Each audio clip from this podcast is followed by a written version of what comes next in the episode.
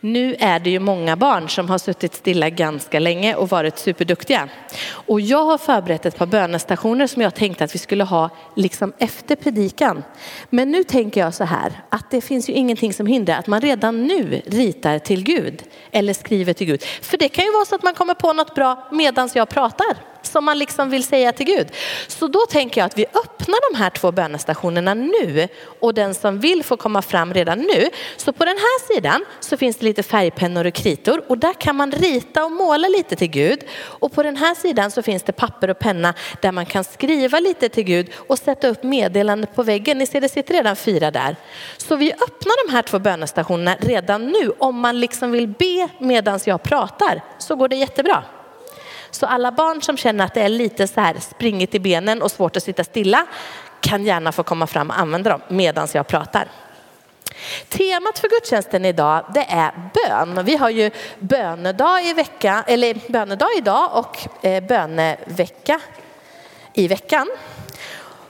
Och då tänkte jag att jag skulle prata lite om att bygga en relation med Gud. Hur bygger man en relation? Ja, I veckan så har jag varit på tyst retreat. Och för dig som inte vet riktigt vad det är så är det liksom när man åker till en plats för att vara tyst och liksom be och vara med Gud. På just den retreaten jag åkte till så var det också en del undervisning som man skulle lära sig lite mer. Och förutom att be till Gud så var jag tyst i ungefär fyra dagar. Och det här gjorde jag tillsammans med andra människor. Det är en liten konstig upplevelse att dela med andra människor. Att man liksom är tyst tillsammans inför Gud. Och de flesta av de här människorna, de kände inte jag alls innan. Men de som var där var den lätt förvirrade prästen, den gamla lärarinnan, diakonissan, mannen som alltid sjöng i stämmor, lilla damen och den långa mannen med basrösten. Ja, nu är det ju så här att allt det här har ju jag bara hittat på i min fantasi. Jag vet ju inte det här, det kanske inte alls är sant. Han kanske inte ens var präst, den där som jag tyckte såg ut som den förvirrade prästen. Jag känner ju inte de här människorna. Jag vet en del saker om människorna, men jag känner dem ju inte. För jag har liksom inte kommunicerat alls med de här människorna. Jag vet till exempel vad de äter till frukost, men jag känner dem ju inte för det. Och ibland tror jag att vi gör så med Gud också. Vi är nära Gud, vi hör saker om Gud. Men vi pratar inte med honom. Och därför känner vi honom inte. Jag säger inte att man inte kan vara tyst med Gud, för det kan man. Eh, om man känner honom. Men man kan liksom inte lära känna någon genom att liksom vara tyst och inte kommunicera med den. Då lär man ju inte känna den personen. Och därför så tycker jag man kan säga att bön inte bara bygger vår relation till Gud utan att det faktiskt är vår relation till Gud. Ja, vad får man då säga till Gud? Vad ska man liksom prata om? Ja, I Bibeln så står det ju så här att Gud han är allvetande. Alltså att han vet precis allting. Och då kan man ju känna så här, vad är det för idé då att jag ska liksom berätta något för honom? Han vet ju redan allting. Men det kan vara så här hemma hos oss, att jag vet saker om mina barn. Men jag vill ändå att de själva berättar det för mig. Därför att när de berättar om sin upplevelse och det som de har varit med om så bygger vi ju vår relation och vi kommer närmare. Det är liksom då vi möts på riktigt. Och det är då som jag förstår dem och som de framförallt kanske förstår mig också. Vi ber inte för att vi liksom ska tillkalla Guds närvaro. Gud han är ju alltid här. Gud är alltid nära. Han är ju runt oss hela tiden. Jag tror snarare att vi ber för att vi ska liksom sammankalla vår egen närvaro.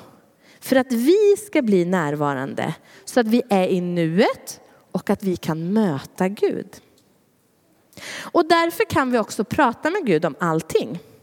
Men det är ingen idé att förställa sig. För det sanna mötet uppstår bara när vi själva också är sanna. Du har säkert också träffat människor som liksom är så här supertrevliga och så får man ändå en känsla när man går därifrån bara, den där människan tycker inte om mig. Mm. Det är som att man liksom möter en yta och en fasad, inte den riktiga människan. Jag tror att de flesta har en sån upplevelse. Så kan det ju bli med Gud också. Om vi inte säger det som är sant till honom. Om jag till exempel är besviken och arg på Gud och så säger jag i bönen, åh jag är så glad och tacksam, tack Gud. Då kommer jag sannolikt uppleva att vi inte har mötts, jag och Gud.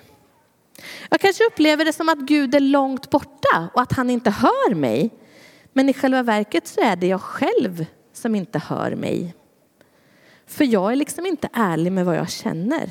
Och så misstar jag liksom mitt eget avståndstagande från Gud med Guds.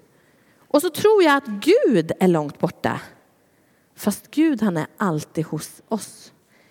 I Matteus 28 och 20 står det, jag är med er alla dagar in till tidens slut. Och det är ett löfte från Jesus själv. Någon som hade en bra relation med Gud, det var ju kung David. Det har vi ju lärt oss i den här gudstjänsten. Och i första Samuels bok 16 så kan vi läsa om när David blir smord till kung.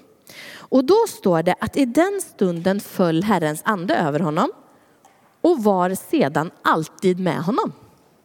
Gud var alltid med David och David valde att vända sig till Gud. Det betyder ju inte som vi lärde oss idag också att David alltid gjorde allt rätt och att hans, hans relation med Gud alltid var på topp. Nej, David han gjorde en del dumma saker. Som när han inte följde med sitt folk ut i strid utan stannade hemma.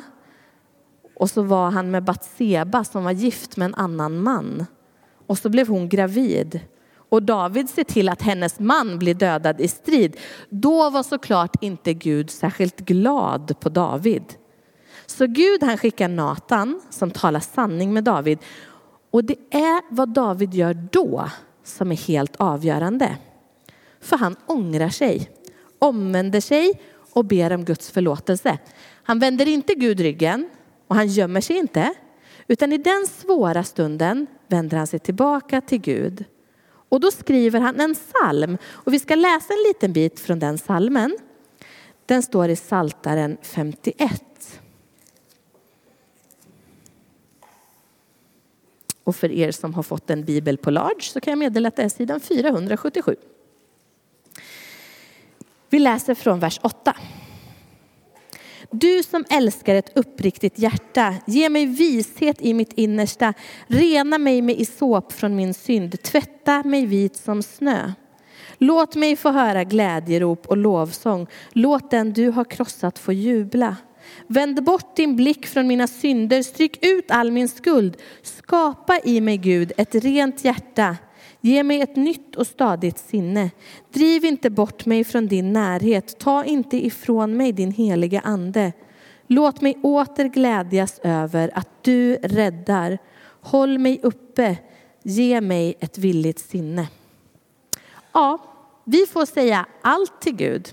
När vi känner oss arga, när vi känner oss besvikna, när vi känner oss glada. Gud han tål att höra allt. Han vet ju redan allt också.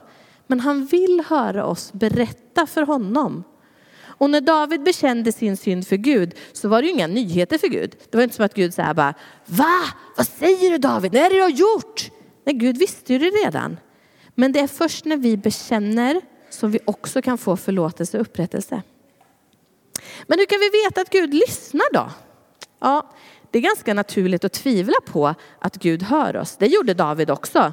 Och då sa han det till Gud. I psalm 22, i vers 2, oj nu hoppar jag till fel bok. Psalm 22, vers 2 och 3 så säger David, min Gud, min Gud, varför har du övergivit mig? Jag ropar förtvivlat, men du är långt borta. Min Gud, jag ropar om dagen, men du svarar inte. Jag ropar om natten, men finner ingen ro. Han uttrycker sin förtvivlan och sitt tvivel och det tål Gud att höra. Men i Jeremia 29 och 12 så står det så här.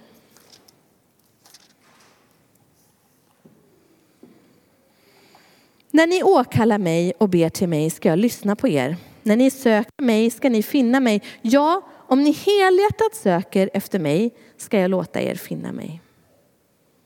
Det är ett löfte. Och i första Johannes 5 och 14 kan vi läsa, och vår frimodiga tro på Gud är denna, om vi ber honom om något efter hans vilja så hör han oss. Men att Gud lyssnar på våra böner, det betyder inte att Gud alltid svarar på det sättet som vi har tänkt oss. Jag tror att det ibland är lätt att blanda ihop vår egen ouppfyllda förväntan med att Gud inte hör oss och inte svarar på bön. Vi förväntar oss att Gud ska svara på ett särskilt sätt, att han ska ge oss något vid ett visst tillfälle och när han inte gör det så tror vi att han inte hört oss. För många år sedan så gick jag igenom en kris. Jag upplevde verkligen att jag gick igenom dödsskuggans dal. Jag kände liksom som att jag hade ett stort svart hål på insidan och så föll jag ner i det hålet och jag visste inte när jag skulle landa. I den stunden så ropade jag till Gud ur djupet av mitt förtvivlade hjärta.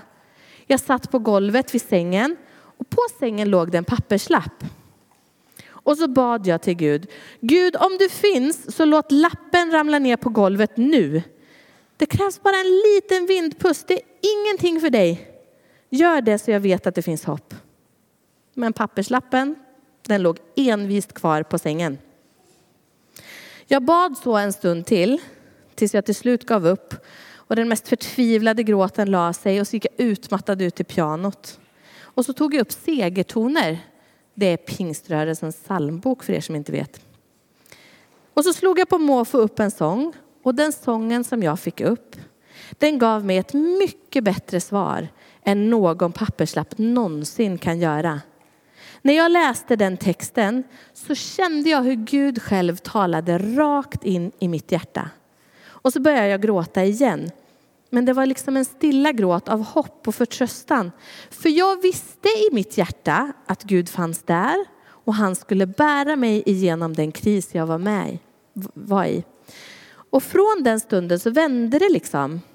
Det var inte så att allt blev bra som genom ett trollslag, men jag visste att jag inte var ensam. Alltid när vi ber så lyssnar Gud. Han är alltid nära, men han svarar på olika sätt. När ni åkallar mig och ber till mig ska jag lyssna på er. När ni söker mig ska ni finna mig. Ja, om ni helhjärtat söker efter mig ska jag låta er finna mig, säger Herren. Ja, hur ska vi be då? David han hade ju verkligen fått ordets gåva. Han kunde uttrycka sig så vackert. Så många salmer som jag känner, det verkligen rör mitt hjärta också. Och det är ju inte alla som har det. Ibland kan det liksom kännas svårt att komma till Gud för vi tror liksom att Gud förväntar oss något eller att han kräver något av oss som vi inte kan ge. Men sån är inte Gud. Han kräver faktiskt aldrig något av oss. Han lockar och drar och bjuder in. Men han kräver inte. Och vi får komma till honom precis som vi är. Vissa har precis som David ordets gåva och kan uttrycka sig vackert och elegant. Medan andra har svårt att få fram orden och då får man bara försöka säga som det är. Ibland kan det vara till hjälp att man använder någon annans ord och till exempel ber en psalm. Eller att man lovsjunger tillsammans med Maria, Jesu mor. Eller att man ber den bön som Jesus lärde oss. Men vi får inte tappa vikten av att också använda våra egna ord och uttrycka det som vi i hjärtat djupast känner. Det egna samtalet med Gud när jag liksom delar min berättelse med honom och lyssnar in hans röst. Ibland kan det vara så att våra ord liksom inte hittar det vi djupast känner. Och då kan vi behöva använda kroppen för att hitta det. Vi kanske kan uttrycka oss i dans eller genom att måla eller genom att spela musik. Vissa kanske vill ta en promenad och gå lite. Eller kanske man behöver skriva ner saker. Och det har vi tänkt att man skulle få göra i den här gudstjänsten också. Uttrycka sig på olika sätt. Jag har ju redan berättat att man kan rita till Gud här och det gäller faktiskt inte bara barn. Även vuxna människor kan och får rita hur man känner till Gud.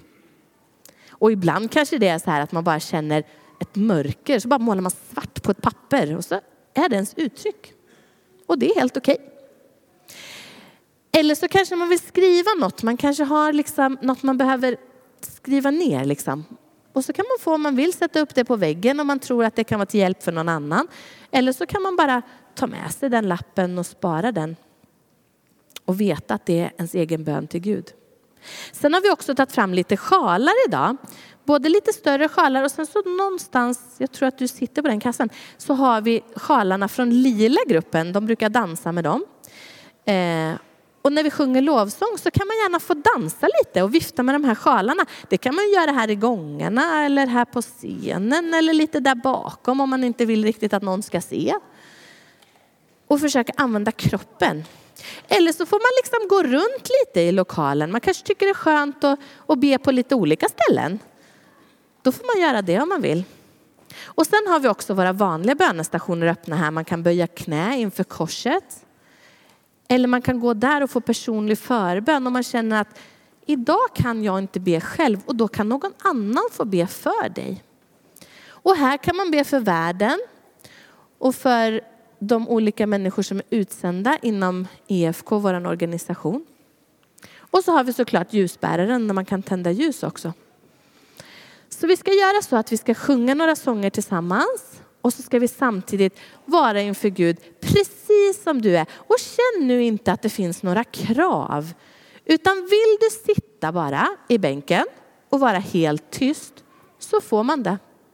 Vill man stå upp så får man det. För Gud han möter dig där du är. Han är överallt och alltid nära. Och man får gråta och man får skratta men nu är vi inför Guds ansikte.